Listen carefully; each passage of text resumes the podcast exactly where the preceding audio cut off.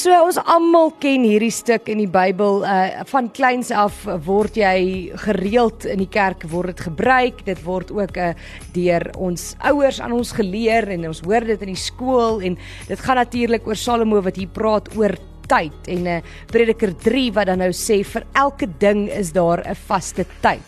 Hy sê elke ding in hierdie wêreld het sy tyd. Daar's 'n tyd om gebore te word, 'n tyd om te sterf, 'n tyd om te plant, 'n tyd om uit te trek, 'n tyd om af te breek, 'n tyd om te bou, 'n tyd om te lag, 'n tyd om te treur, 'n tyd om te dans, 'n tyd om klippe weg te gooi en 'n tyd om hulle bymekaar te maak. En dan kan jy gerus die hele Prediker 3 gaan lees en sien hoe prediker praat oor tyd en en sê dat vir elke ding is daar 'n seisoen soos wat ons seisoene het in die weer het 'n mens daar's tyd vir somer dan is daar tyd vir herfs dan is daar tyd vir winter en dan is dit die tyd vir die lente om weer te kom en nuwe lewe te bring.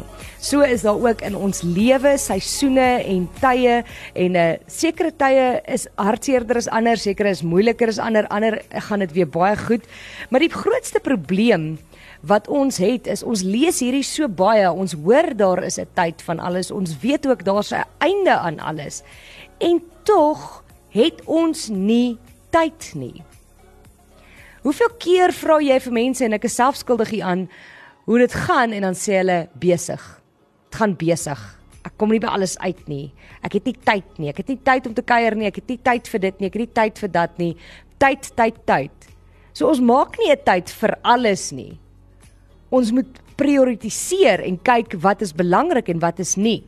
En nou is die vraag, wat is daai prioriteite in jou lewe? Wat is belangrik? Waarvoor maak jy tyd? Want sien as jy gaan stil staan en gaan kyk na jou na jou lewe en gaan kyk na wie en wat werklik belangrik is, gaan jy tyd maak vir dit. Die lewe is te kort om halfhartige verhoudings te hê. Ek was verlede week weer by 'n begrafnis, uh, die tweede een in 3 maande. Desember is my beste vriendin oorlede. Ek het dit nooit eers op radio gesien nie. Dit was vir my 'n ongelooflike hartseer ding. Dit was dit was vir my 'n moeilike tyd in my lewe. Ehm um, verlede week is my pa se broer, my oom oorlede en ons familie is ongelooflik naby aan mekaar. En dan gaan sit jy weer en jy dink, "Ag, as ek maar net nog een keer met hulle kon praat. As ek maar net nog een keer saam 'n koppie koffie kon drink of nog een keer dit kon doen of dat kon doen. Want jy sien, die Here leen ons vir mekaar en dit is wat die predikant uh, verlede week by my oom se begrafnis gesê het. Is die Here leen jou vir iemand anders en hulle leen die mense in jou lewe vir jou. Julle behoort nie aan mekaar nie, ons behoort almal aan God. So jou familie en jou vriende is vir jou geleen.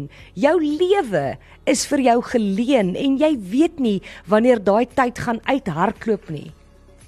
Ons vat dit as vanselfsprekend dat jy môre die telefoon gaan kan optel en een van jou geliefdes gaan kan bel. Ons stel uit en ons stel af want ag ons kan dit maar volgende week doen. Maar wat as daar nie 'n volgende week vir jou of dalk vir hulle is nie? Ek het al so baie van my dominee vriende hoor sê dat wanneer hulle langs mense se sterfbed staan, is die dinge waarna hulle verlang en waaroor hulle spyt is nie die dinge wat hulle nie gehad het nie. Nie die goeders wat hulle nie kon bereik in hulle lewe nie. Maar die mense hulle vriende, hulle familie, dis na wie hulle verlang. Dis wie hulle daar wil hê. Dis saam met wie hulle meer tyd wil hê en meer tyd wil spandeer terwyl die tyd uithardloop. Voor jy jou oë uitvee, is die tyd verby. Kyk hoe vinnig hierdie laaste 2 jaar verbygegaan. Ek meen ons praat van COVID wat in 2020 was asof dit gister was. Dis 2 jaar terug wat hierdie ding begin het. Hoeveel tyd maak jy vir dit en vir wie belangrik is in jou lewe? Hoeveel keer stel jy uit vir dinge wat dalk nie so belangrik is nie, wat nou vir jou belangrik lyk, maar as jy na die groter prentjie gaan kyk, eintlik 'n kleinigheid is? Gaan sit, gaan maak 'n lys, gaan besluit wie en wat is werklik belangrik in jou lewe. Want as jy môre moes doodgaan, moet jy jouself vra waaroor gaan jy spyt wees? Oor wie gaan jy spyt wees? Is daar iemand met wie jy op hierdie stadium 'n slegte plek in julle verhouding het? Gaan maak dit reg. Is daar iemand saam met wie jy nie genoeg tyd spandeer nie? Jou kinders, jou vrou, jou man, jou ma, jou pa, familie, vriende? Wie is daai mense met wie jy vir wie jy moet tyd maak in jou lewe? Wat is daai dinge wat jy moet prioritiseer? En ek kan nie vir jou besluit wie dit is nie. Dalk is daar werkdinge wat vir jou 'n groot prioriteit is. Maar plaas van om te sê, hoorie dit gaan besig. Gaan kyk wat het jy alles en wat is belangrik. En voordat jy jou oë toemaak aan die einde van hierdie lewe, kan weet jy het alles in jou vermoë gedoen om die mense wat die Here aan jou geleen het te prioritiseer en om tyd te maak vir dit wat belangrik is. Maak tyd vir jou verhouding met God.